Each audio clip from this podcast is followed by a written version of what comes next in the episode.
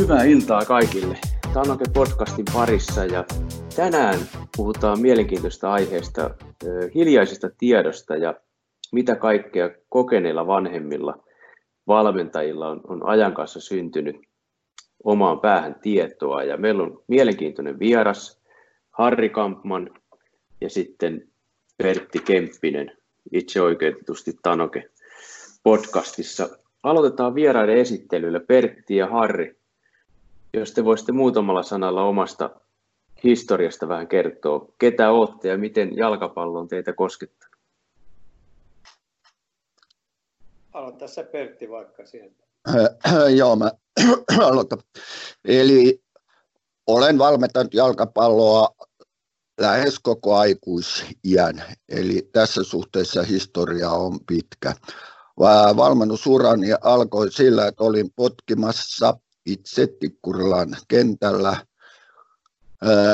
kun sieltä eräs Tikkurilan palloseuran johtokunnan jäsen ja valmentaja ja taisi olla joukkueenkin johtaja Kalevi Kärki tuli kysymään, olisinko valmis lähtemään Tikkurilan palloseuran valmennustoimintaan mukaan.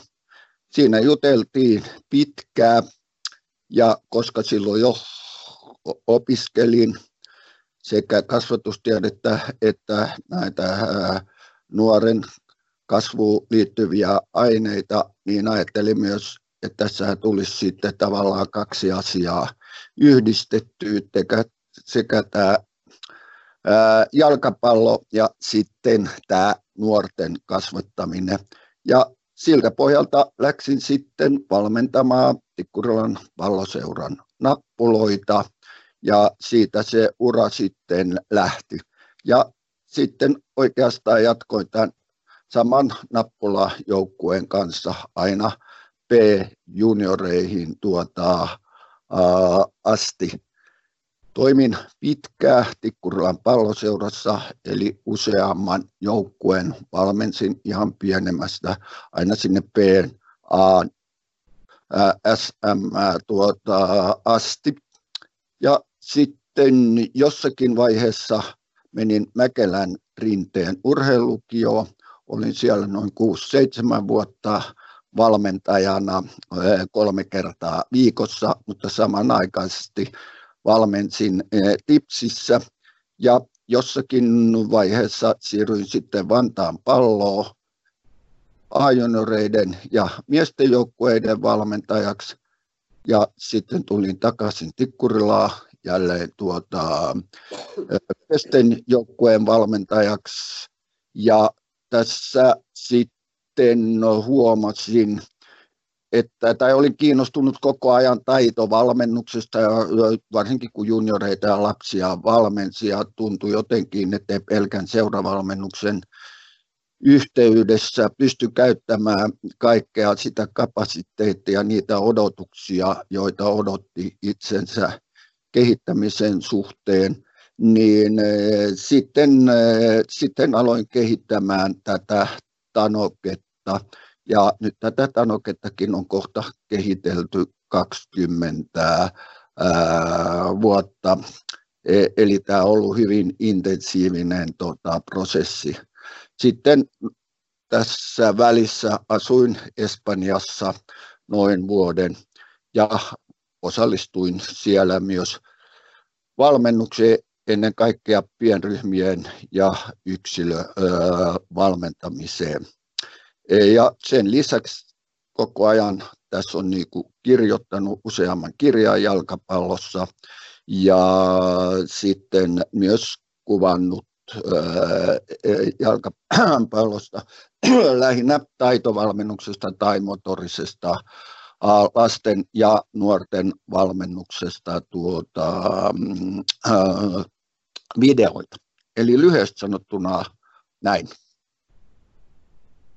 No niin, mä oon Kampmanin Hape ja, ja tota, tässä me oikeastaan nähdään, että jalkapallossa urat, tekemiset voi olla hyvin erilaisia.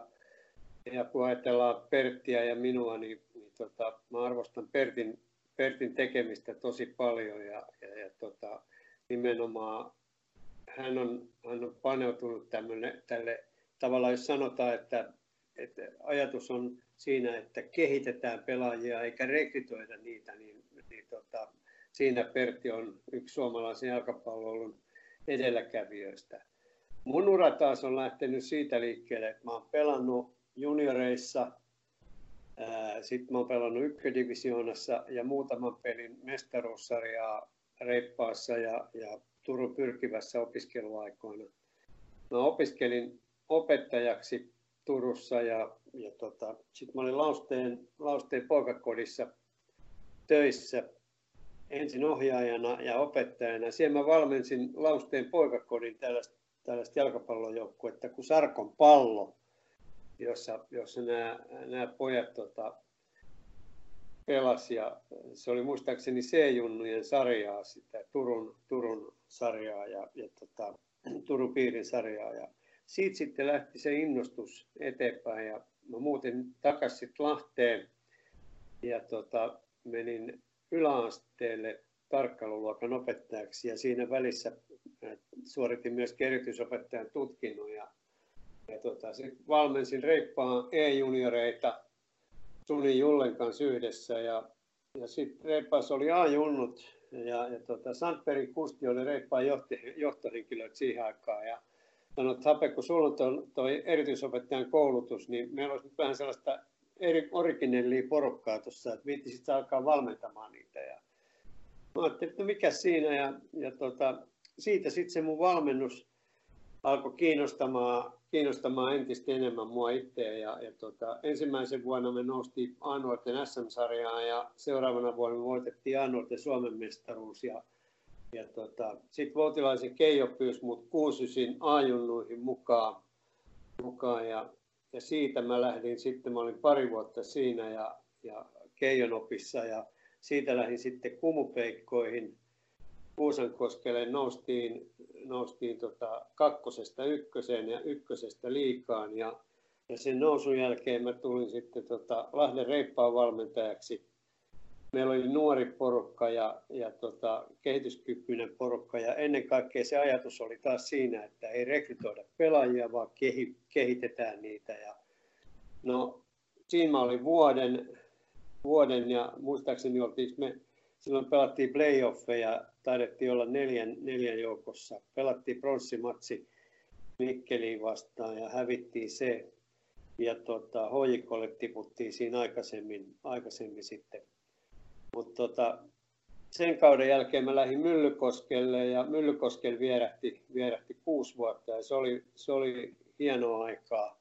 Sitten mä tulin Lahteen, FC Lahti ja tota, sit siitä, siitä FC Lahti perustettiin sitten silloin ja siitä mä lähdin sitten vuodeksi Matovelliin. Me oltiin Mypan, Mypan aikana Skotlannissa pudotettu Matovelliin Eurokupeista ja, ja ne silloin seurasi ja tarkkaili mua siinä ja, ja mä sain mahdollisuuden mennä sinne ja, ja se reissu jäi vähän lyhkäiseksi. Se on sitten oma tarinansa miksi. Ja tota, sitten parasin Suomeen ja Tampereen Unitediin. Sikon kanssa oli kaksi hienoa vuotta siellä ja, ja, ja tota, silloin mä sain kokea valmentajana sen, mitä on, mitä on assistentti ja taustahenkilöiden täydellinen lojaliteetti päävalmentajalle. Oli tosi hienoa aikaa Tsikon kanssa siinä. Ja, ja tota, sitten sen jälkeen mä olin 21 maajoukkueessa ja tulin takaisin Lahteen. Olin täällä muutaman vuoden. Silloin sain sitten uran ensimmäiset potkut Lahdesta ja, ja tota noin, niin sitten menin sen jälkeen AC Ouluun ja, ja tota siellä siellä tota, pari vuotta noustiin liikaan ja pudottiin liikasta.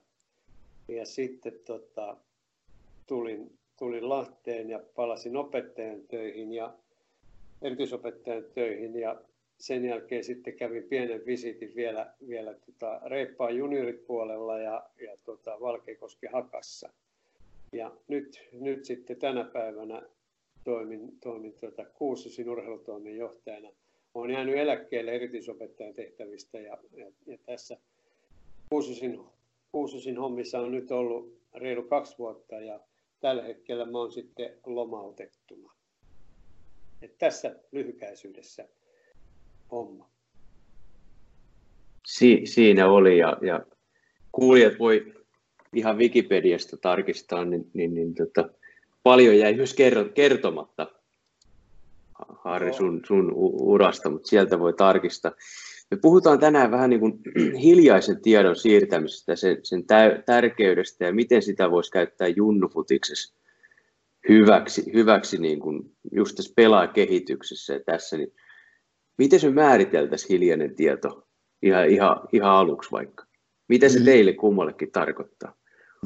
Niin, äh, mulle se merkitsee kokemuksen myötä tullutta tietoa. Ja sitten jos me ajatellaan perinteisiä kulttuureita, niin hiljaisella tiedolla, siis iäkkäämmillä, iäkkäämmillä ihmisillä on ollut hyvin suuri merkitys sen tiedon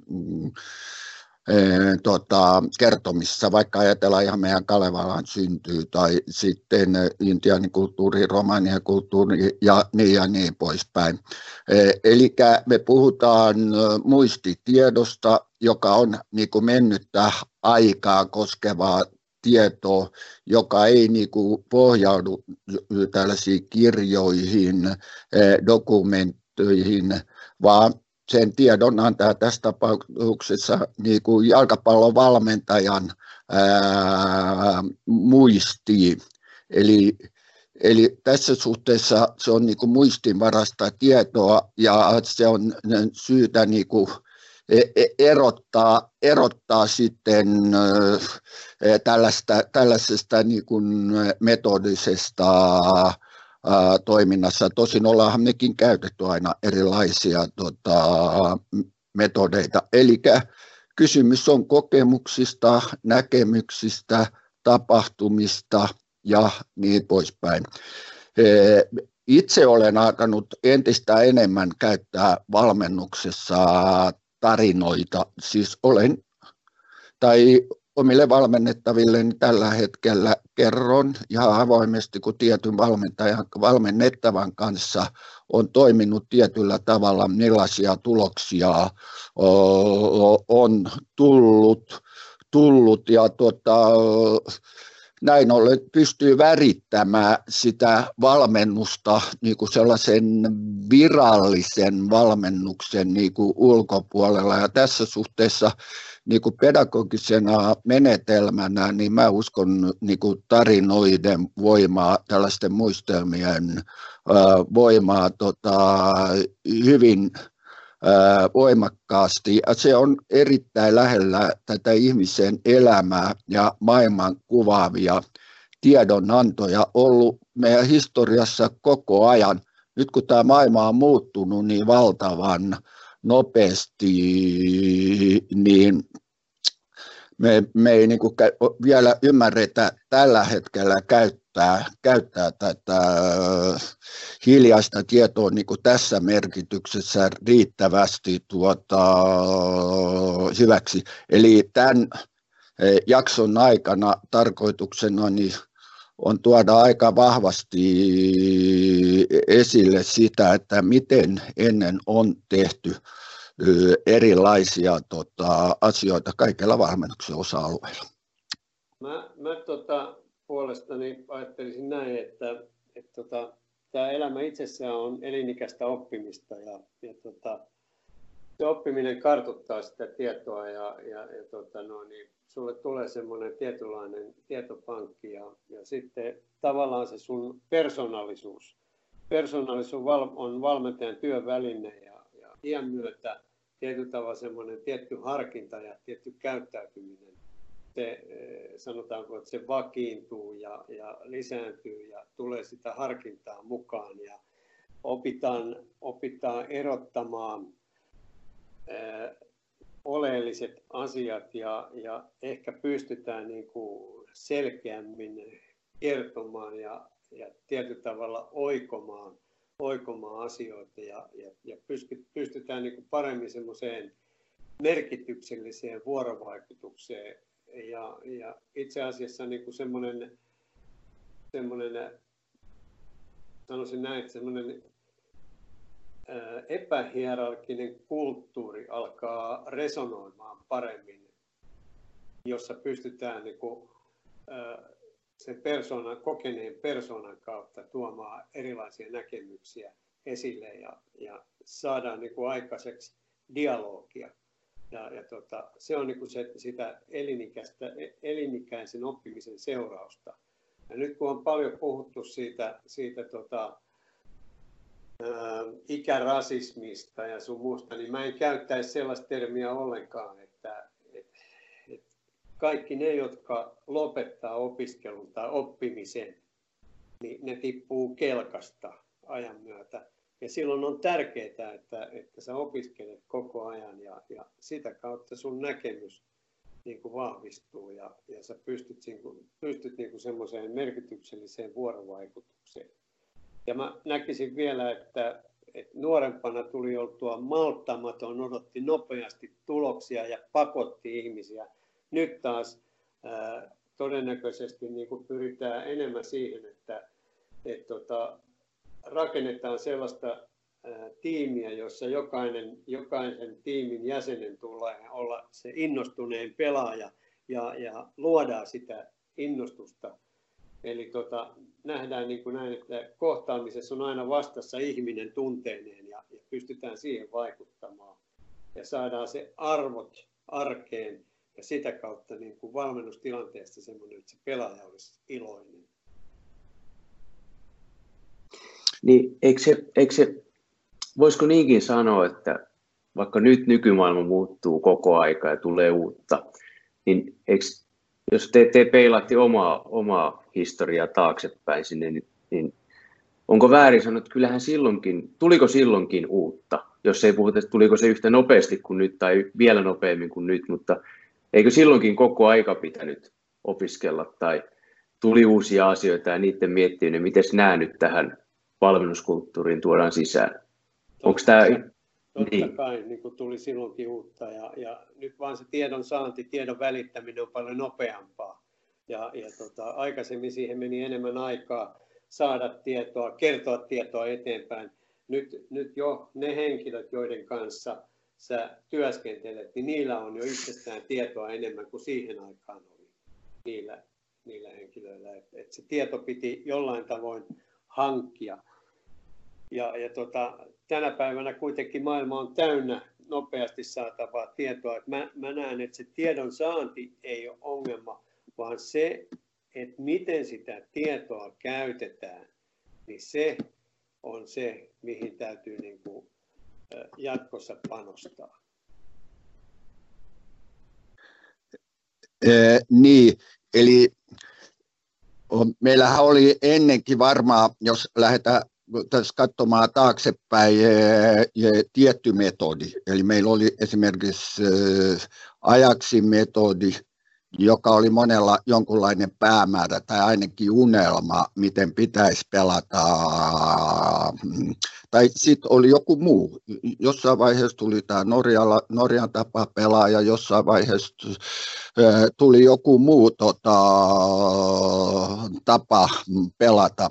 Ja mun mielestä niin tässä on hyvin ratkaisevaa se, että mm, miten tätä metodia tai näitä valmennusmalleja käytetään, ruvetaanko niitä käyttämään niin kuin koneellisesti tai mantran omaisesti tuota, toteamaan, vai pikemminkin tämmöinen iso muutos, se ei ole niin kuin aito ja se ei tapahdu ilman että tuota, paneutuu niihin erilaisiin tuota, asioihin, mitä haluaa itsessään tuota, kehittää. Ja tämä pätee parhaiten silloin, kun me todella perehdytään myös näihin ristiriitoihin ja epäharmonisiin asioita, asioihin, mitä me halutaan saavuttaa. Ja nyt, jos me ei tavallaan niin kuin paneuduta riittävän syvällisesti tähän asiaan, niin me ei tavoiteta näitä ristiriitoja tai näitä epäharmonisia tota, tiloja. Ja minä ainakin valmentajana kun pyrin itseäni kehittämään, niin kyllä tämmöinen kognitiivinen tiedollinen ristiriita on hyvin tärkeä osa tässä itsensä kehittämisenä valmentajana. Mutta sitten haluan vielä sanoa, että tässä hän on hyvin oleellista, kun jalkapallossa puhutaan joukkuepelissä, niin tämä sosiaalinen vuorovaikutus, joka myös kehittyy. Totta kai tämän muistitiedon välityksellä, kun on monta joukkuetta tota, valmentanut, siellä kohtanut erilaisia pelaajia, erilaisia joukkueita, siellä on valtava määrä aivoissa muistia tai muistoja ja kokemuksia, siis hyviä kokemuksia ja ei niin hyviä kokemuksia, jotka on välittynyt tuonne muistitiedoksi e, ja joita sitten käyttää myös paljon hyödyksi, e, siis tiedostamattakin. Joo, mutta, mutta tänä päivänä myöskin, niin kuin, jos nyt ajatellaan ennen sitä valmennuksen staffia, mikä oli, niin, niin tuota, oikeastaan se lähti siitä, että oli valmentaja ja sitten oli maalivahtivalmentaja.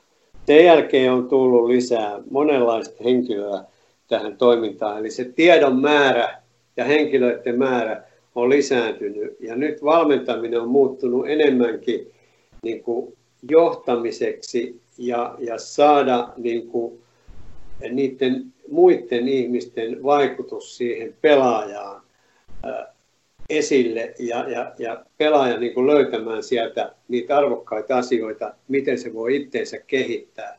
Ja nyt kun me ajatellaan vielä tänä päivänä sitä, että miten valmennuskulttuurin, että nyt puhutaan megatrendeistä, että miten valmennuskulttuuri on muuttunut ja sen tulee muuttumaan, että minkälaisia pelaajia tänä päivänä esimerkiksi junioripuolella valmennetaan. Ja jos me ajatellaan sitä, että, että tota, näiden pelaajien vanhemmat on näitä milleniaaleja, tänä päivänä. Ja, ja, ja niillä on tietyllä tavalla erilainen yhteisöllisyys. Ja, ja tota, ne odottaa, että heillä on hyvä esimies, ne haluaa yksilöllistä johtamista, niiden kunnianhimon kohteet on tietyllä tavalla muuttuneet.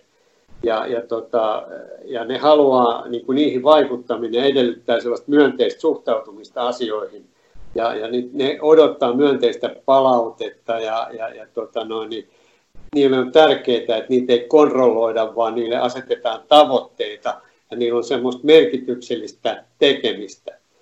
Ja, ja tota, sitten nämä, joita me nuoria valmennetaan, niin ne on, niistä voidaan sanoa, että niillä on koodaaminen on niiden toinen kieli, niiden visuaalinen kieli on voimakkaampi kuin kirjoitettu kieli, ja, ja tota, niiden lehti on iPad, ja, ja tota, niillä on semmoinen tietynlainen yksilöllinen lapsu, lapsuus. Eli mä tarkoitan tällä nyt sitä, että et tota no, niin esimerkiksi jääkiekossa on nyt hyvä esimerkki siitä, että puhutaan tästä Brad Lampardista, jonka mä opin tuntemaan tuolla koulussa, kun mä olin yhtenä liikunnanopettajana hänelle, hän, hänen tunneillaan, niin, niin tota, hän, hän, hänestä on kirjoitettu paljon mutta hän etsi itselleen paikkaa, missä hänelle on paras mahdollisuus kehittyä.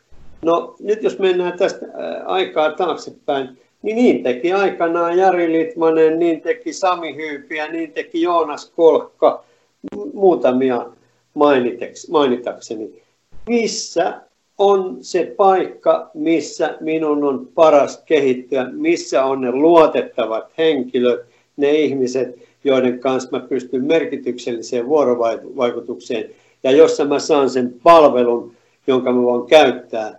Ja, ja mä itse kuljen sen polun ja sitä kautta kehityn. Ja yhä enemmän niin kuin joudutaan tällaiseen ajatteluun menemään, että et tulee tällaista niin kuin, sanotaan, että erilaista osaamista, humaania diversiteettiä, eli, eli tota, niin kuin joukkueiden rakentamisessa ja, ja tota noin, staffien rakentamisessa, niiden henkilöiden, ketä on pelaajan valmentamisessa mukana, niin sellainen erilainen osaaminen on tärkeää. Eli jos tuosta, nyt just toi mitä sanot, jos ottaa hetkeksi tuosta kiinni, kiinni, kun nyt sanoit, että Jari Litmanen, Sami Hyypi ja Joonas Kolkka ja niin poispäin jo aikoinaan etsivät itselleen paikkaa, jossa paras kehittyä, niin eikö toi kuulosta ihan nykyajaltakin? Kuulostaa, kuulostaa, mutta ne oli, he, ne oli edelläkävijöitä ja ne lähti maailmalle. Ja, ja tota, tavallaan sitten oli tärkeää myöskin se, että silloin kun ne meni maailmalle, niin ne löyti sieltä sen paikan, missä ne voi edelleen kehittyä. Eli se, että minkälaisen askeleen sä otat ja sä osaat ottaa niitä oikeita askeleita, jotta sulla on mahdollisuus kehittyä. Niin siinä niin kuin meidän tulee olla, meille tulee olla valmiutta auttaa. Ja, ja silloin, silloin niin kuin tarvitaan sitä tietynlaista, tietynlaisia persoonallisuuksia, niiden mukana tuovaa verkostoa ja, ja tota, sitä keskustelua, merkityksellistä vuorovaikutusta, niin kuin olen sanonut sen pelaajan kanssa siitä, että minkälainen pelaaja mä haluan olla, mitä mun tulee tehdä, missä mä oon hyvä, mitä mun pitää kehittää. Ja, ja tota, sitten lähtee pikkuhiljaa tekemään. Et, et kuitenkin niin kuin lähtökohta se, että vaikka sä etit paikkaa, missä sä, missä sä kehe, voit kehittyä, niin silti sun täytyy se polku kulkea itse. Eli että sä et oleta mitään, vaan sä teet jotain.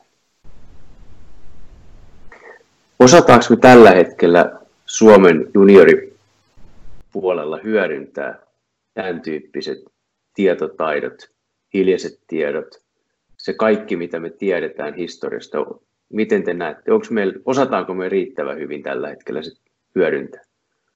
Ei varmaan riittävän hyvin, että aina, aina voi kehittyä ja erilaisia. Se me tiedetään, että on erilaisia kehitysympäristöjä ja jopa seurassakin ratkaisee erittäin paljon se siis yksittäiset seurassa, että e, ketä sattuu saamaan valmentajaksi, joukkueen johtajaksi, e, kuka johtaa seuraa ja hyvin monta tota, asiaa yksittäisen pelaajan kannalta, jos me ajatellaan ajatellaan, niin tällä sosiaalisella ja tällaisella kulttuurisella oppimisympäristöllä, mitä Hapetossa esimerkiksi tämän Kolkan ja Litmasen esimerkkinä mm, tota, mm, peräänkuulutti, niin tällä on erittäin suuri tota, merkitys, koska se sitten taas ohjaa myös tätä psyykkistä hyvinvointi, mistä tästä puhuttiin, ja sitä kautta koko sitä tiedollista, siis sitä kognitiivista toimintaa, siis näitä tunteita, emotioita, motivaatiota, jolla tehdään, ja sitten motivaation merkitys se on heti lapsesta alkaen, niin se on hyvin ratkaisevaa, eli että me saadaan se motivaatio riittävästi sisäiseksi motivaatioksi, ja sitten motivaatiossa tietysti, jos ajatellaan ihan motivaatioteorioita, niin on olemassa eri asteisia motivaatioita, ja jonkun verran Kolkan ja Litmasen uraa tuota, seuranneena, koska valmensin samoja ikäryhmiä täältä käsin, niin, niin, niin kyllähän voidaan puhua erittäin motivoituneista pelaajista, joihin toi ympäristöllä oli tota, suuri merkitys. Ja sitten näissä pelaajissa tietysti on olemassa tietyt biologiset tekijät myöskin, eli mm, sitten kysytään tietysti, että miten me saadaan niin valmennettua sen jalkapallon, jalkapalloilija hermosto ja aivojen muotoutuminen tai sellaiseksi, että me saadaan se keho ja aivot toimimaan jalkapallokentällä tota, mahdollisimman paljon tämän päivän jalkapalloa tota, vastaavaksi. Ja sen vuoksi on hyvin tärkeää, niin kuin valmentajalla on se sitten minkä ikäinen tahansa, niin että se on kartalla niin kuin niistä tämän päivän vaatimuksista. Ja näkisin vielä niin, että olisi mielellään niin kuin tulevaisuushakuinen, että pystyisi katsomaan, että mihin jalkapallo nyt kehittyy tässä viiden tai kymmenen vuoden päässä, koska esimerkiksi jos itse valmennan myös 8 12 14-vuotiaita, niin tässä on suht pitkä aika ennen kuin he ovat miesten tai naisten pelaajien iässä. Niin, niin tavallaan niin kuin, tai oikeastaan puhut siitä, että, että yksi tämmöinen valmentajan, valmentajan tehtävä on, tota, niin kuin, tai sanotaan, että ensinnäkin niin kuin valmentajan tehtävä on saada se pelaaja rakastumaan siihen lajiin. Ja, ja tota, sitä kautta niin kuin se motiivi tulee. Ja sitten me ruvetaan puhumaan siitä, että, että ymmärretään, ymmärretään näitä, näitä olosuhteita, ymmärretään vaati, tulevaisuuden vaatimuksia. Että tänä päivänä valmentajan pitäisi nähdä, kun on 12-vuotiaat pelaajat, että mitä niiden pelaajien pitäisi osata 18-20-vuotiaana silloin, kun ne tulee siihen huippusuoritusvaiheeseen. Ja, ja se, se vaatii sitä, sitä että silloin, silloin niin syntyy keskustelu, keskustelu siitä, että, että tota, niin kuin, menestystekijöistä. Minkälaiset menestystekijät, minkälaista jalkapalloa pelataan 5-10 vuoden päästä. Mitkä on ne megatrendit, miten niitä lähestytään. Ja, ja tota, sitä kautta niin kuin löydetään ne luova, luovia pelaajia, jotka saa niin kuin tietyllä tavalla vapaassa ilmapiirissä opiskella, ää, ei pelätä epäonnistumisia ja luodaan sellaista ympäristöä, joka motivoi koko ajan. Ja valmentajalla on koko ajan näkemys siitä, että mitä noiden lasten, minkälaisiksi pelaajiksi niiden tulee kehittyä. Ja, ja se auttaa niitä lapsia ymmärtämään sitä, että ne luo itsestään kuvan, minkälainen pelaaja mä haluan olla ja mitä mun täytyy tehdä.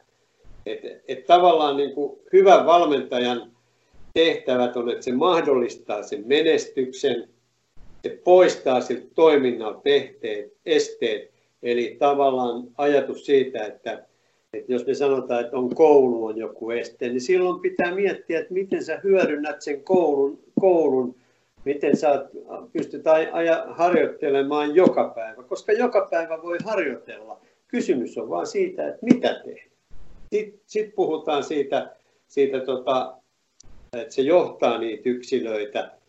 Ja niillä yksilöillä nimenomaan puhutaan siitä erilaisuudesta, diversiteetistä, että e-, erilaiset yksilöt, se näkee, missä, missä se pelaaja, tietty pelaaja voi olla 5-7 vuoden päästä ja niin edelleen.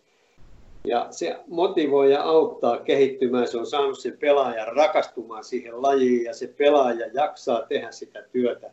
Ja se edistää sitä jatkuvaa oppimista. Se antaa haasteita sille, panee sen pelaajan, antaa sille mahdollisuuden kokea epäonnistumisia, mutta mahdollisuuden myöskin onnistua. Ja se sietää ja opettaa sietämään epävarmuutta. Se uskaltaa opettaa ilman varmoja takeita tai selkänojaa, että kaikista tulee varmasti joku pelaaja. Se poistaa sitten epäonnistumisen pelkoa ja, ja tota, koko ajan niin kuin rakentaa sellaista itsevarmaa uskoa, joka synnyttää tuloksia.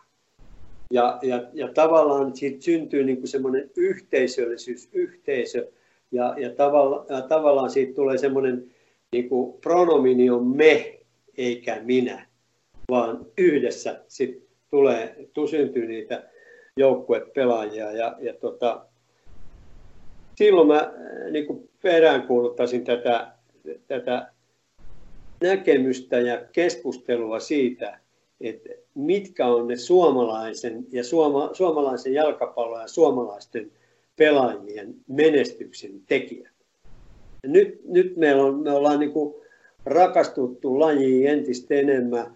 Me päästiin EM-kisoihin, mikä on hieno asia, se luo motivaatiota ja, ja, ja tota noin, niin antaa taas uskoa tähän eteenpäin. Mutta meidän on vaan opittava reenaamaan, pelaamaan enemmän kansainvälisiä peliä, näkemään mitä samanikäiset maailmalla tekee, jotta me tunnetaan lihaksessa myöskin se tuska niin, eli se, missä me niin tällä hetkellä olemme yksittäisen valmennettavan joukkueen tai valmentajan suhteen on hyvin pitkälti niin kuin tunteiden, erilaisten energioiden, mitä siellä valmennuskentällä jatkuvasti tota, saadaan ajatusten ja taitojen ää, tulos. Ja siinä mielessä on valtavan tärkeää, että mitä me ajatellaan.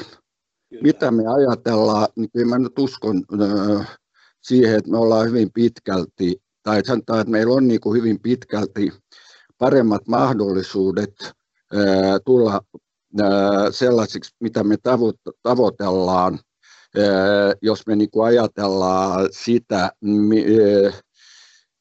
millaiseksi me halua, halutaan tota, muuttua. Sen vuoksi on erittäin tärkeää niin kuin tarkkailla jo lapsuusvuosissa sitä, mitä me ympärillämme olemme luoneet ajatuksista, ajatuksissamme. Ja tavallaan kun vertaa esimerkiksi Espanjan tai Hollannin tätä kulttuurialustaa, siis tätä, missä meidän lapset ja nuoret kasvaa tai sosiaalistuu jalkapalloon tai valmentajat, niin me, e, e, tämä skandinaavilainen ympäristö on hyvin e, erilainen. Ja sen vuoksi on erittäin tärkeää, että me käytettäisiin näitä skandinaavisen ympäristön vahvuuksia hyväkseen. Ja silloin meillä löytyy paljon vahvuuksia. Esimerkiksi koulumaailmassa me ollaan näissä PISA- ja muissa tutkimuksissa kärjessä tai melko kärjessä. Samoin me ollaan näissä onnellisuustutkimuksissa melko kärjessä ja niin poispäin.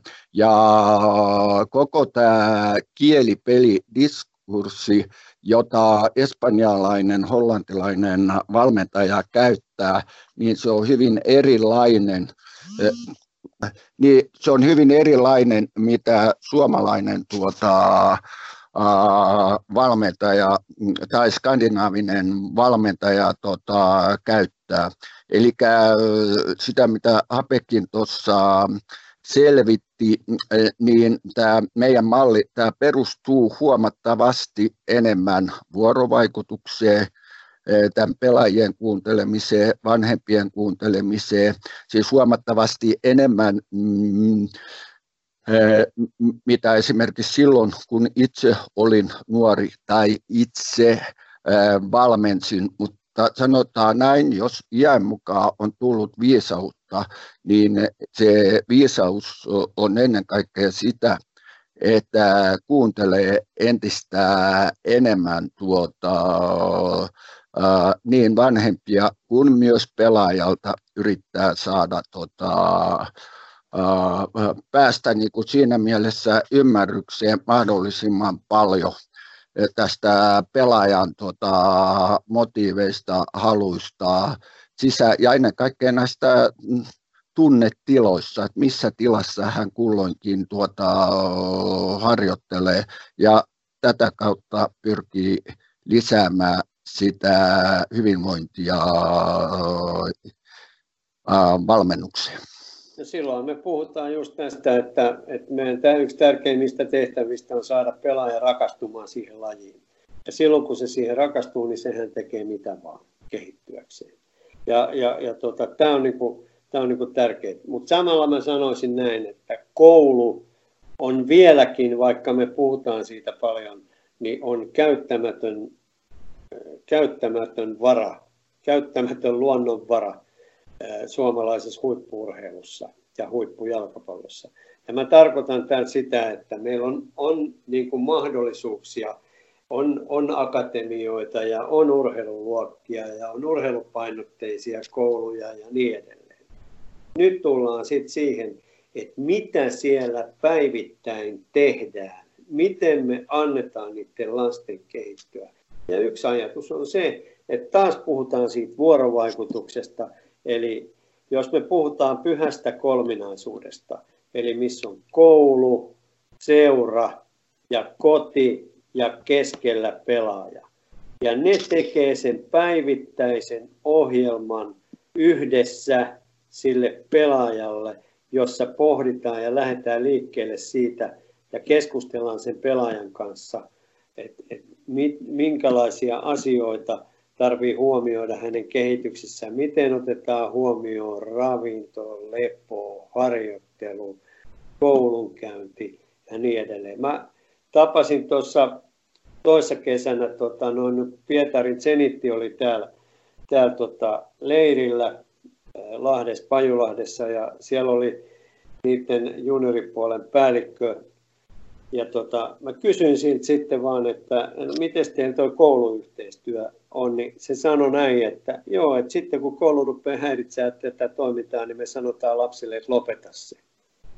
No, sitä mä en kyllä suosittele Suomessa käytettäväksi. Että, että yksi, yksi meidän vahvuus nimenomaan on se, että sen lisäksi, että me kasvatetaan huippuurheilijoita, huippupelaajia, niin meillä kasvaa niin kuin sivistyneitä ihmisiä.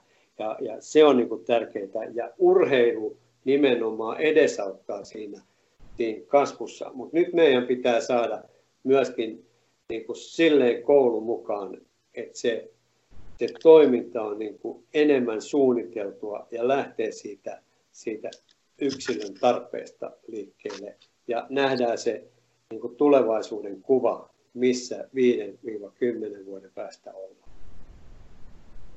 Mulla olisi teille molemmille kysymys. Se on, kysymys on sama. Pertille se menee enemmän tuonne pelaaja, pelaaja pelaajan niin kehityksen näkökulmasta niihin kokemuksiin ja oppeihin ja sitten Harrille se liittyy enemmänkin tuohon joukkuepuoleen. Ja voitaisiin ensin peilata sitä, mitä te opitte sen kyseisen asian matkalla ja sitten miten me voitaisiin peilata se oppi nykyaikaan, mitä hyötyä siitä voisi olla nykyaikaan. Jos sä Harri mietit sun matkaa Kumun kanssa kakkosesta veikkausliigaan, ja nyt sä muistelet sitä aikaa, niin mi, mitä, ja sitten sä mietit sun uraa sen jälkeen, niin mit, miten sä hyödynsit sitä oppia, minkä sä silloin sillä matkalla sait? Ja mi, mitä sä opit ylipäätänsä sillä matkalla? Tuliko siellä mitään semmoista elämystä, että hei? No joo, en, en, ensinnäkin se, että, että tota, silloin kun mä menin sinne, sinne tota no, niin ennen kuin mä tein sopimuksen, niin mä halusin keskustella jokaisen pelaajan kanssa, että, että mitä ne ajattelee, että minkälaisella jutulla ne on liikkeellä ja, ja tota noin, niin onko ne valmiita.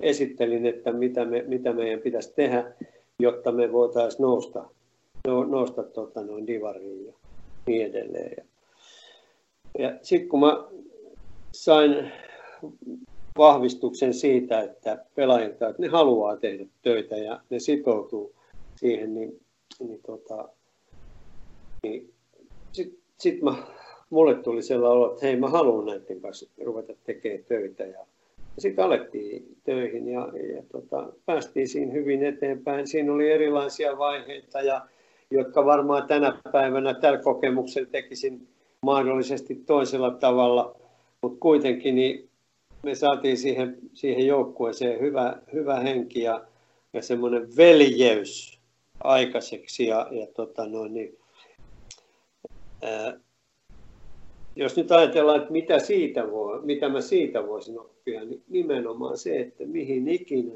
ryhdyt, niin kartota ne ihmiset ja ne, ne olosuhteet, mitkä sulla on sinne käytettävissä. Ja mieti realistisesti, että onko se edes mahdollista asettaa sellaisia tavoitteita, että tuleeko siihen tavoitteiden ristiriita joka koskee mahdollisesti olosuhteita pelaajia, ja, ja sinulla itsellä on jonkun toisenlainen näkemys, niin, niin tota, silloin ei kannata niin kuin heittää aikaa hukkaan. Ja tämä, tämä on niin kuin, tämä kuin tärkeänä asiana, asiana, ja sen mä opin tähän niin kuin jatkoonkin, että mihin, mihin menikään, niin aina on käynyt tällaisia keskusteluja. He, joo, itse näen niin, että tämä valmennusympäristö on yhä spesifistisempi. Eli otteluissa harjo, harjoituksissa ja myös yksilövalmennuksessa tai pienryhmäharjoittelussa on hyvin erilaisia pelaajia, hyvin erilaisia tota, tilanteita ja tässä suhteessa nämä kokemukset vaikuttaa jatkuvasti ja muuttaa sitä maailmaa. Tässä suhteessa itse suhtaudun hyvin kyseenalaisesti johonkin tällaiseen fundamentaaliseen menetelmään, vaan katson niin, että niitä menetelmän kuin valmentajan itsensä tai pelaajan kehittäminen ei lopu koskaan niin kauan kuin hän on siinä jalkapallossa uh, mukana. Ja tuskin niin on edes tota, tarkoituskaan. Ja siinä mielessä on valtavan tärkeää valmentaja iästä tai pelaaja iästä huolimatta, että tulee jatkuvasti uusia haasteita ja unelmia jotka niin kuin pitää tämän ihmisen henkisenä ja sosiaalisesti virkeinä ja täynnä niin kuin futisintoa tai elämän intoa. Eli tällä polulla meillä on mahdollisuus niin kuin löytää tämän jalkapalloilijan, jalkapallon valmentajan tai pelaajan niin kuin mielen ne hienoimmat tota, ulottuvuudet, mitä tässä valmennuksessa tota, on toisaalta totta kai kaikella on myös hintansa. Mä, Se... mä sanoisin, sanoisin tähän, tähän näin, että, että tota, jos seurajohto lähestyy valmentajaa, valmentajaehdokasta ja, ja esittää tavoitteet, että me halutaan voittaa mestaruus, me halutaan Euroopan kentille tai me halutaan, halutaan tota, no, niin, nousta seuraavalle tasolle niin silloin tietysti siinä on sanottu selkeä tavoite. Ja sitten sen jälkeen pitää lähteä niin kysymään, että no miten tämä tavoite saavutetaan, onko siihen olemassa realistisia mahdollisuuksia. Sitten lähdetään niin lähestymään näitä mistä tekijöistä, mit, mit, mitkä on ne tekijät, millä se saavutetaan. Eli minkälaisia pelaajia siinä on joukkueessa ja niin edelleen. Että ei niin anneta, anneta niin tavallaan semmoista harhaluuloa kellekään, että et, et, tota, jollain tietyllä ryhmällä on mahdollisuus saavuttaa jotain, vaikka ei ole edellytyksiä ole olemassakaan. Niin silloin niin kun puhutaan tietysti harjoittelusta, siihen käytettävästä ajasta, pelaajan materiaalista, joukkueen rakentamisesta ja niin edelleen. Et, et tota, se, ja mä ymmärrän, nyt, nyt me puhutaan nyt me puhutaan niin kuin tavallaan äh, huippujalkapalloilusta ja, ja sä puhut äh, käsitykseni mukaan, Petter, Pertti, tuota noin, yksilön kehittymisestä ja, ja siihen, sen, sen, sen niin kuin tulevaisuuden rakentamisesta. Joo, joo, joo, joo, kyllä, kyllä, kyllä. Mutta toimitaan sitten millä tasolla tahansa, niin itse mä näen niin kuin tällaisena niin kuin eksistentialistisena henkilönä, siis tällä eksistentialisilla tarkoitan sitä, että hae hyvin voimakkaasti sitä elämän tarkoitusta, tarkoitusta, että mä en niinkään ajattele sitä, että paljon tässä on elinvuosia jäljellä tai miten niitä niin kuin käyttää tässä suhteessa, vaan enemmän mä ajattelen niin kuin tätä heräämistä ja valaistumista niin kuin jalkapallon va- valmentajana, jota mä edellä, siis haluan myös näiltä valmennettavilta, niin e, Eli siinä mielessä toimin jonkunlaisena niin kuin herättäjänä, stimula- stimuloivana e, henkilönä. Tota, ja kun valmentaja pystyy tai haluaa toimia niin sen oman valmennusideologiansa arvojen suhteen selkeästi ja rehellisesti, niin eh, kyllä sillä saa pelaajia tota, uh, mukaan. En tarkoita tällä sitä, että näiden pelaajien vanhempien tai jos joukkueessa toimii joukkueenjohtaja ynnä muiden, pitäisi tuota sokeasti ostaa se eh, valmentajan valmennusmalli, vaan sitä, että se valmentaja pystyy jatkuvasti perustelemaan kaiken tekemisensä, ja nyt tietysti tästä kokemusmaailmasta on se hyöty, että pystyy aina sanomaan se, kun ollaan tehty näin, niin ollaan päästy tähän pisteeseen. Mutta tässäkin nyt muistutan, että ihmiset on kuitenkin aina erilaisia. Jokainen lapsi, nuori tai aikuinen on erilainen ja oma tapauksensa, eli spesifisti asia ja myös kompleksina.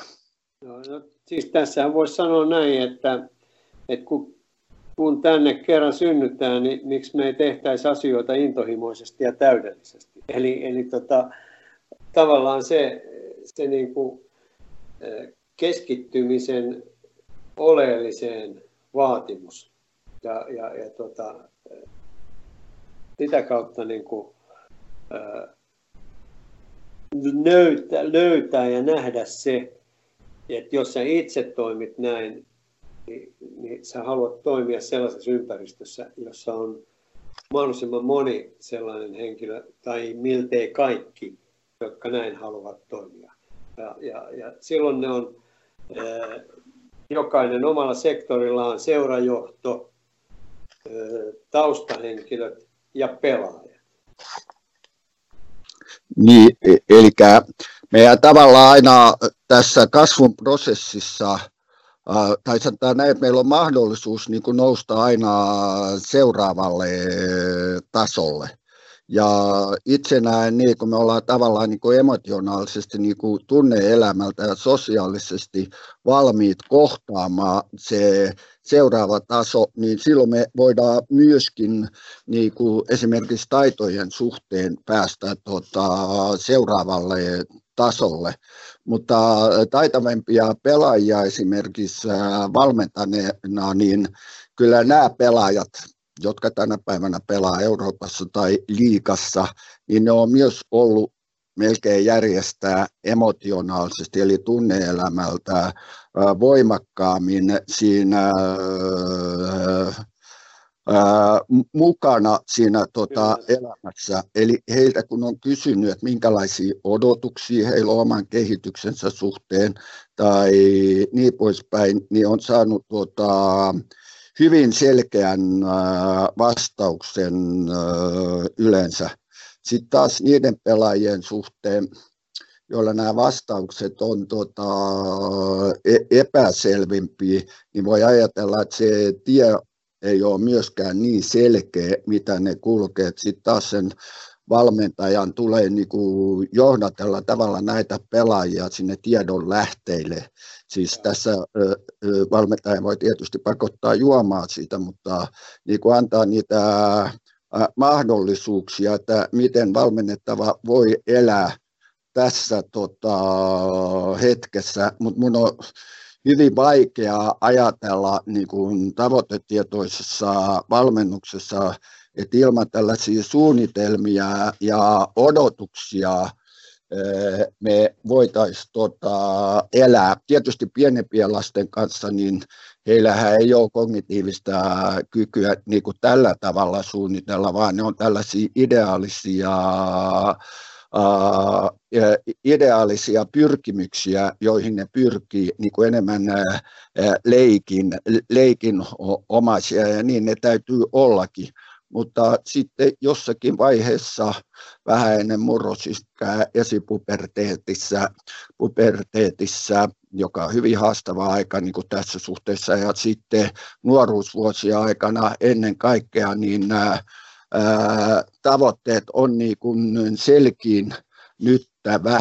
Ja kyllä mä itse, kun olen aika monta vuotta myös vetänyt Ja A-nuorten SM-sarjaa ja joskus ollaan tuolla Hapen kanssa lentokentällä tai jossain kohdattukin, kun ollaan menty peleihin, peleihin tai niin poispäin, niin kyllä jos näitä joukku, tai näiden joukkueiden pelaajia tuota, ajattelee, niin e, kyllä tämä niin on ollut hyvin heterogeenisesti jengiä siinä suhteessa, että millaisia suunnitelmia odotuksia heillä oli sen jalkapallon pelaamisen suhteen. Nyt jos ajattelisin, että lähtisin B ja A nuorten joukkuetta valmentaa, niin olisi niin kuin huomattavasti kypsempi, kypsempi tota, käymään keskustelua näistä tavoitteista ja suunnitelmista. Mä, mä sanoisin tähän näin, että, että tota, sitten kun me ruvetaan puhumaan tästä pelaajan kehittymisestä ja muusta, niin, niin, tota, no, niin tärkeintähän on nämä päivittäiset rutiinit. Ja, ja tota, jos me ajatellaan näin, että tota, jokainen vanhempi on oman lapsensa asiantuntija, niin tota, ihan samalla tavalla valmentajan tulisi olla jokaisen pelaajansa asiantuntija. Eli se tietäisi, ja, että miten, miten sitä pelaajaa voi käsitellä, mitä, mitä sille eh, voi sanoa, miten sille voi sanoa. Joskus joutuu korottamaan ääntä, ja, ja, ja tota, mutta se täytyy tietää, minkälaiselle pelaajalle sä sen teet. Eli on tärkeää tunnistaa persoona. Ja, ja sitten siitä lähdetään näihin päivittäisiin rutiineihin ja, ja tota no, niin mennään niin kuin, ää, asioissa eteenpäin. Ja musta on ollut hyvä havaita nyt näin, näin jälkeenpäin, että esimerkiksi viime kesänä meillä oli, oli sellainen Mypan ilta, missä oli 90-luvun ja 2000-luvun Mypa ja me pelattiin esiotteluna vastakkain ja siellä oli Mäkelä Nili oli 2000-luvun Mypan valmentajana, minä olin 90-luvun Mypan valmentajana siellä paikalla ja sitten meillä oli sen jälkeen illanvietto siellä ja oli niin kuin hieno tavata, kohdata ne pelaajat ja kuitenkin matkan varrella on, on räiskynyt, ollut kaiken näköistä, kun on menestykseen pyritty, niin silti oli hienoa istua siinä samassa illallispöydässä, kuunnella, miten pelaajin menee, minkälainen tunne, mitä, mitä ne ajatteli niistä, siitä ajasta ja niin edelleen. Se oli hieno hetki ja, ja mä sanoinkin pelaajille siinä, siinä tota noin, niin ennen kuin alettiin pelaamaan, että, että ne on auttaneet mun uraa, että ilman hyvien pelaajia ja heidän haluaan menestyä, mulla ei olisi ollut näin hieno valmentajaura kuin omasta mielestäni mulla on ollut. Ja se on, se on niin kuin loppujen lopuksi niin semmoinen paras tunne, että, että tota, on tullut potkuja sun muita ja elämässä, niin kuin elämä pitää tietyllä tavalla löytää, jossa on muutakin sisältöä.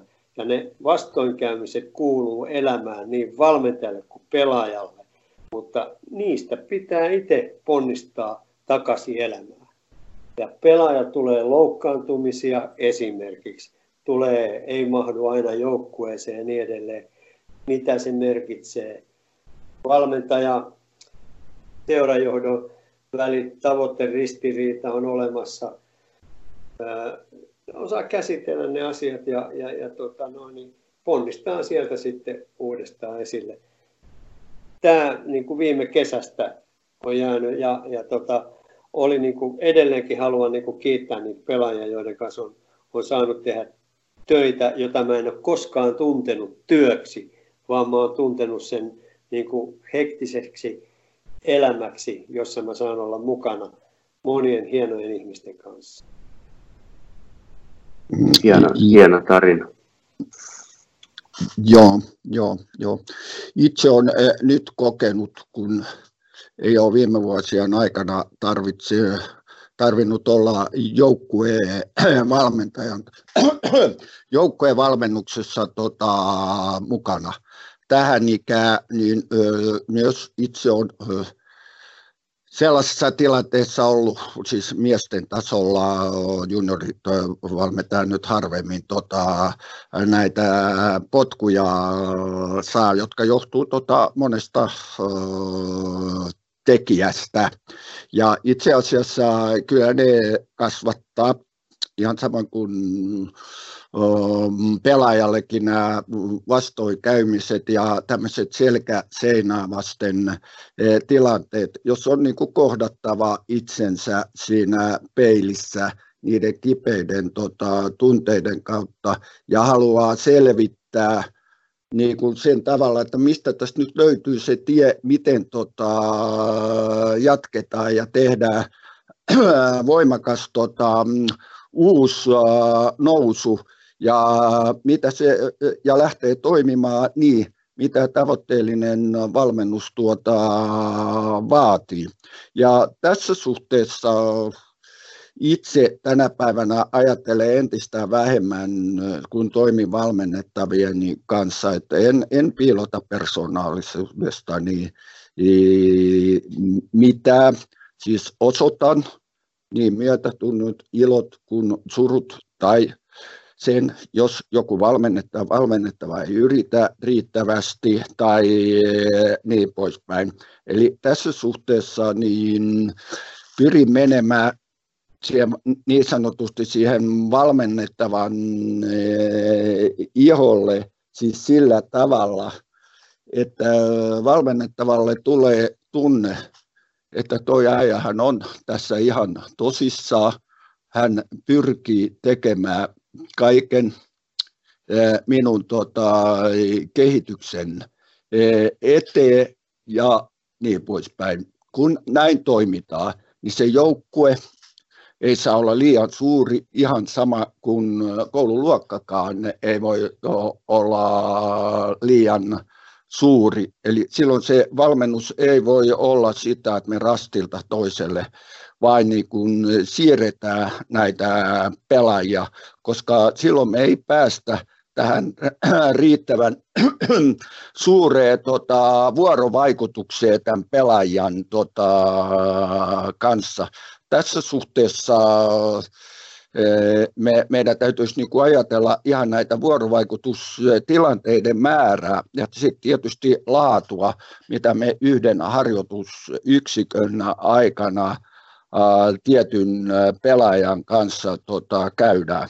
Silloin kun valmensin joukkuetta, niin niin, niin no, oli hyvin tyypillistä se, että harjoituksen jälkeen puhuin. Et mulla on tietysti tästä omasta koulutuksesta ja tästä työskentelystä Vantaan kaupungin niin kuin nuoriso- ja sosiaalipuolella niin jäänyt, jäänyt niin kuin hyvin voimakas tämmöinen tota, paradigma, kuva, kuva tuota, ihmisessä. Muistan, muistuu mieleen tässä esimerkiksi, kun valmensin Vantaan palloa, niin Pana, eli Mika Lehkosuo oli lopettamassa jalkapallon ja hän oli ihan tosissaan siinä. Niin tein hänen kanssaan varmaan kolme viikkoa soitin joka ilta yöhön, puoli kolme astikin parhaillaan. Tota, keskustelin hänen kanssaan niistä mahdollisuuksista ja mitä, mitä voi olla jalkapalloilijana tai niin poispäin. Ja minun mielestäni on valtavan hienoa niin kuin tällaisessa yksittäisenä tilanteena, jos kysytään, että minkä vuoksi jaksaa niin kuin valmentaa, että tällainen pelaaja myös antaa silloin tälle valmentajalle tunnustuksen ja sanoo, että ilman Kempistä hänen jalkapallouransa tuota, olisi loppunut.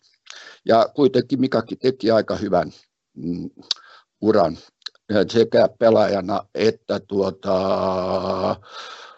valmentajana. Tämän haluan vain sanoa sen vuoksi, että me ymmärretään, että tämän kaiken taitovalmennuksen, taktisen valmennuksen tai fyysisen valmennuksen pohjalla on myös se pelaaja henkisenä, emotionaalisena, tällaisena sosiaalisena tota, tekijänä, jossa valmentajalla voi olla hyvinkin suuri merkitys, ihan samoin kuin opettajalla, etenkin näissä erityispuolen opettajissa. Vantaan kaupungilla seurasin monta opettajaa, ne oli hyvin pitkäaikainen tota, suhde tiettyyn nuoreen, niin, niin, niin ja tämä on niin kuin tässä juniori- ja lastenvalmennuksessa erittäin tärkeä mm, tekijä. No se, se on ihan yhtä tärkeä tekijä aikuisten valmennuksessa huipulla. Mä oon tainnut kertoakin joskus sen, että, että tota no, niin, ää, tota Walter Smith, joka oli Glasgow Rangersin valmentaja ja Paul Kaskoinen pelasi siellä, niin Walter Smith sanoi mulle aikana, että, että tota, hän ei luottanut Kaskoinen käyttäytymiseen, kun tota, jouluna ää, Skotlannissa pelattiin, pelattiin liikaa, niin se otti Paul Kaskoinen joulupöytään perheensä kanssa ruokailemaan ja piti sen mukana ja se oli sitten joulupäivänä tai joulu, päivänä kentällä pelissä. Et, et ta, tavallaan niin kuin, et, et joudutaan tekemään, tekemään monenlaisia asioita. Mutta pähkinän kuoressa, mitä sanoisin tuossa, mitä tästä sun viimeisestä puheesta niin tuli esille, niin mitä mä sanoin alussa, että meillä on tietoa, meillä on tietoa siitä nykyaikaisista valmennusmenetelmistä, fyysisen puolen valmennuksesta, taitopuolen valmennuksesta, henkisen puolen valmennuksesta on tietoa, mutta kaikista tärkein asia on se dialogin synnyttäminen sen pelaajan välillä ja sitä kautta syntyvä luottamus, joka auttaa sitä pelaajaa löytämään itsestään sen, sen kyvykkyyden kehittyä jalkapalloilijaksi. Ja myöskin siihen, siihen tota, rehellisyyteen kuuluu se, että myöskin tunnustaa se pelaajalle, että, että sulla on ole, sä olet asettanut nyt sellaisia tavoitteita itsellesi, jotka todennäköisesti ei ole saavutettavissa minun mielestä ja, ja sit, sitä kautta niin kuin käydä myöskin keskustelua, että kannattaako aina aikaa heittää hukkaan. Sitten toiseksi mä sanoisin näin, että, että kun sä puhuit siitä ajankäytöstä keskusteluihin, niin tota, tärkeää on myöskin, että jo pienestä pitäen tietystä iästä, mä en osaa sanoa tällä hetkellä mikä se ikä on. Meidän pitää selkeästi lähteä siitä, että, että on erilaisia polkuja, joita pelaaja kulkee, on huipulle, polku huipulle, polku jalkapallo harrastukseksi ja, ja tota noin, niin, niin, niin, ää, niihin on kaikille annettava mahdollisuus. Ja musta niin kuin se, että ei pyöritetä, tai sanotaan, että se toiminta ei saa mennä, valmennus ei saa mennä vain ja ainoastaan toiminnan pyörittämiseksi, että, että saadaan se raha siihen, siihen vanhemmilta ja pyöritetään toimintaa ja mennään vaan semmoisella keskivertovauhdilla eteenpäin. Vaan täytyy pystyä myöskin niin kuin erottamaan jossain ikävaiheessa. En osaa tarkalleen sanoa, mikä se ikävaihe voisi olla siitä, jolloin niin kuin tietyt pelaajat alkaa kulkemaan omaa polkua ja tietyt omaa. Niin, mä näkisin niin, että kaikella meidän sanomisella tekemisellä, niin pelaajan kuin valmentajan tekemisissä on merkitystä siihen, miten, mitä aivot muistaa, miten aivot tota, toimii. Ja tästä seuraa hyvin pitkälti myös se tarkkaavaisuus, havainnot ja eri se muistiaines ja Eli, e, eli tässä suhteessa ympäristöllä on valtavan suuri merkitys. Jos me ajatellaan niin kuin pitemmällä aikavälillä, ajattelee itseni tai näiden valmennettavien tota, e, kehittymistä ihmisenä tai jalkapalloilijoina, jalkapalloilijoina, niin kyllä mä uskon niin, että kaikki merkittävimmät ja käänteen tekevimmät tapahtuvat on jäänyt e, elämää elämää tota, niiden aivoihin. Ja myös, myös sellaisia, mitä ne kertoilee tuolla, tai mitä itse kerron, kerron niin kuin tässäkin on tota, tehnyt. Eli nyt jos me ajatellaan valmentajana niin kuin sellaisia tapahtumia, mitkä on jäänyt ä, mieleen tai mitkä pelaajilla on jäänyt mieleen, ja miten ne on sulautunut niin kuin muistoksi. Ja nythän on kysymys siitä, vaikka monesta ei olisi tullut jalkapalloilijoita, joilla menee erittäin hyvin tässä määrässä, määrässä mitä on valmentanut, ja siihen joukkoon mahtuu totta kai jo, myös laitapuolen kulkijoita niin kuin ihmisissä ää, ää, yleensäkin, mutta mielessäni on se, vaikka tuolla kadulla tapaisi tämmöisen niin sanotun laitapuolen kulkijan, niin on se, että kun alkaa näistä, muistat sä Kemppinen, ja sitten hän rupeaa käymään näitä muistoja tota, lävitse. Tällä on erittäin suuri merkitys niin minulle kuin tuota, tälle, tälle tuota, pelaajalle. Toisaalta sitten taas siellä on aivan huippulääkäreitä, huippujuristeja ja niin ja niin poispäin. Myös heille, vaikka he elää hyvinkin tällaista tota, kiireellistä elämää ja niin poispäin. Mutta kun tuolla kadulla tulee vastaan, niin kyllä niillä on aikaa pysähtyä siinä ja usein sanovat, että muistatko. Kyllä. Tämä on, tämä on niin oleellinen asia tässä. Mites nyt jos tuolla kuulijakunnassa on joko val, nuorempia valmentajia tai, tai pelaajia tai, tai pelaajien vanhempia, miten me, ja ne haluaisi nyt saada tätä kokemusperäistä tietoa omaan käyttöönsä, yhteyksiä vanhempiin valmentajia, valmentajia, jotka on nähnyt maailmaa ja kokenut maailmaa, niin miten me saataisiin paremmin se näille käyttöön tällä hetkellä Suomessa? Mistä, mistä pitäisi lähteä liikkeelle? Miten ne voi lähteä etsimään tietoa itselle? No, kyllä mä uskon, että jokaisessa seurassa löytyy, löytyy niin kuin, ää, valmentajia ja eri, eri ikäisiä ja, ja erilaisilla kokemuksilla, erilaisen kokemuksen omaavia rohkeasti keskustella ja olla kiinnostunut lapsestaan ja, ja, ja tota, hänen paneutumisestaan harrastukseen ja kertoa sille valmentajalle, että mitä, mitä niin kuin perhe odottaa, että mitä tämä lapsi urheiluharrastukseltaan saa missäkin iässä ja, ja, ja tota, sitä kautta lähtee rakentamaan sitä, sitä kuvaa, miksi olla mukana harrastuksessa ja milläkin tasolla. Se dialogi on hirveän tärkeä, tärkeä tota noin, valmentajan. Valmentajien pitää uskaltaa, uskaltautua siihen dialogiin ja vanhempien myöskin. Että, että toivoisin sitä, että, että kun vanhemmat heittää lapsensa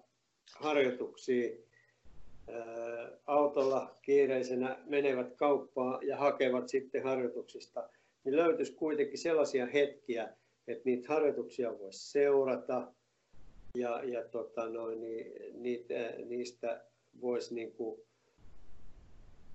keskustella vanhe, valmentajien kanssa, että miten heidän oma, oma lapsensa on, on suoriutunut ja, ja, ja tota, sitä kautta niin kuin saada kuva siitä, että, että, että mitä, mitä on mahdollisesti tulossa. Joo, siis tässä ei missään tapauksessa riitä niin kuin semmoinen pelaaja vanhempi vartti, että ne on mun mielestä hyvin teknokraattisia tota, ratkaisuja. Ja olen sitä mieltä, että mitä enemmän tätä vuorovaikutusta on, niin sitä vähemmän siellä on niitä mörköjä, jotka kummittelevat siellä kentän laidoilla. Usein niin kuin, suurimmassa osaksi siitä, että tätä keskusteluyhteyttä ei ole tuota, saavutettu. Ja tässä suhteessa uskoisin näin, että usein se johtuu niin kuin pelosta, siis tunne on pelko, että se voi olla niin valmentajilla kuin näillä vanhemmilla tähän, siis tämä vuorovaikutus vaatii aina rohkeutta, rohkeutta tuota, jonka avulla sitten saavutetaan tätä tyytyväisyyttä, vapautta ja elämäniloa. Kyllä. Pelko lamaannuttaa. Joo, joo kyllä, kyllä, kyllä, kyllä se näin on, että kyllä, kyllä mulle on ainakin nyt ee, erittäin tärkeää, että mä saan jonkunlaisen slow-tilaa mahdollisimman usein nämä pelaajat. Ja silloin kun saan, niin on, on kaikissa eniten itseni tyytyväinen tuota, kun ajan kotipäin. Tosin myönnän ihan suoraan sen, että on huomattavasti vaikeampi saada pelissä, kun siellä on vastustaja mukana. Ja ainakin P- ja junioreissa on myös voitettava ne ottelut ja myös alemmissa junioreissa, tai ainakin pyrittävä voittaa, että säilyy sarjapaikka tai pääsee seuraavaan sarjapaikkaan tai niin poispäin, niin totta kai se luo e, erilaisia tota, paineita. Ja toisaalta on hyvin erilaista valmentaa Suomen ykkös- tai kakkosseurassa, kun olla esimerkiksi tai aikoinaan oli esimerkiksi Tikkurilan palloseurassa tai jossain muussa, on, on näissä molemmissa ympäristöissä tota, toiminut. Ja tässä suhteessa se ympäristö ei ole aina samanlainen, vaan on aina niin kuin sitten sopeutettava se oma toiminta siihen ympäristöön, jossa toimii, tai siihen valmennettavaa, joka, jonka kanssa toimii. Eli tavallaan kun menee valmentaa, niin on mahdollista niin kuin ne omat, omat aivot niin kuin sen automatkan aikana, kun menee sinne kentällä, niin virittää siihen tiettyyn pelaajaan, pelaajalle sopivaksi, tietylle joukkueelle sopivaksi ja niin poispäin. Niin mä sanoisin tähän, että se eri, eri seuroissa se eh, vastine, urheilullinen vastine, vastine odotukset on erilaisia. Ja, ja tota, tämä harrastuksen omistajuus on aina sillä lapsella ja lapsen, lapsensa asiantuntijuus niin on sillä aikuisella. Ja sen tulee niin kuin pystyä määrittelemään sen aikuisen, että mihin mun lapsi, minkälaiseen määrään ja, ja tota, minkälaiseen harjoitteluun se mahdollisesti pystyy ja käydä sitä keskustelua lapsen ja vanhemman, vanhempien tota, valmentajien kanssa. Ja sitten mä sanoisin vielä näin, että, että kuitenkin totuus on se, että urheilun läpikäyneistä lapsista tulee valtaosasta hyviä aikuisia. Ja se on se tärkein juttu kaiken kaikkiaan. Joo, eli tavallaan jos mennään niin kuin sit tällaiselle enemmän makrotasolle tai tällaiselle sosiaalikulttuuriselle tasolle, niin kyllä mä näen, että tavallaan jokaisella seuralla, samoin kuin jokaisella maalla on olemassa oma kulttuurinsa. Ja sen vuoksi mun mielestä on hyvin tärkeää, että jokaisessa seurassa, niin kuin myös Suomessa, pohdittaisiin sitä ää, Suomen identiteettiä, kun me tehdään valmennusohjelmia. ohjelmia. Ja sitten kun tuolla maailmalla pyörii, niin kyllä nämä erot niin kuin näkyy, näkyy ihan arvoissa, tavoissa, erilaisissa uskomuksissa, jopa huumorissa. Et Espanjassa oli hyvin erilaista huumoria, mitä Suomen jalkapallokentillä tuota, toimii. Haluissa, niin lapsen kuin valmentajien haaveissa, päämäärissä ja, ja, niin poispäin. Hyvät herrat, tunti 18 minuuttia erittäin mielenkiintoisen aiheen ympärillä. Viimeinen kysymys, yhteenvedon aika. Molemmille sama kysymys. Mitä, miten, miten itse näette yhteen vetäisitte hiljaisen tiedon käyttäminen nykyjunnufutikseen? Mitä se antaisi? Mitä siitä kokemuksesta, mitä Suomessa tällä hetkellä on, voitaisiin ammentaa sinne? Mikä, mikä se olisi sellainen yhteenvetona, yht, summaus? No mä, mä sanoisin näin vaan, että ole käytettävissä. Ja, ja tota, no niin, sitten vaan ää, heittäydy siihen peliin mukaan ja, ja tota, ää, ajatella näin, että omana rehellisenä itsenä, persoonallisuutena olet käytettävissä, niin siitä se lähtee. Joo, ja itse laittaisin vielä seuroille haasteen, haasteet sillä tavalla, että tämän tyylisiä tilaisuuksia, mitä Mypässä oli, niin järjestettäisiin. Eli otettaisiin näitä vanhoja seuran toimihenkilöitä, vanhempia pelaajia, ää, pelaajiin yhteyttä ja käytäisiin tota dialogia tätä kautta myös, koska tätä kautta myös seurojen arvomaailmat tota, kristallisoituu. Haluan sanoa sitä, että esimerkiksi Englannissa on hyvinkin vanhoja seuroja, tosin on Suomessakin, niin, niin, niin, niin että sitten voidaan kysyä, että miten se arvopohja on säilynyt. Mä, mä tota, noin, niin, kun puhuin siitä, että tapasin sitä Pietarin Zenitin valmennusjohtoa, johtoa, tota, junioripuolen valmennusjohtoa toisessa kesänä täällä Lahdessa, niin, niin tota, silloin ne kertoo vain sitä, että jokaisessa juniorijoukkueessa valmentajilla on myöskin apuna tämmöinen kokeneempi henkilö, kokeneempi valmentaja. Ja, ja tota noin, niin sitä kautta niin kuin pystyttiin sitä tietoa myöskin viemään eteenpäin ja säilyttämään. Kiitos molemmille. Kiitos. Joo, kiitos. Oli mukava keskustella heidän kanssanne ja, ja hyvää jatkoa ja hyvää kesää.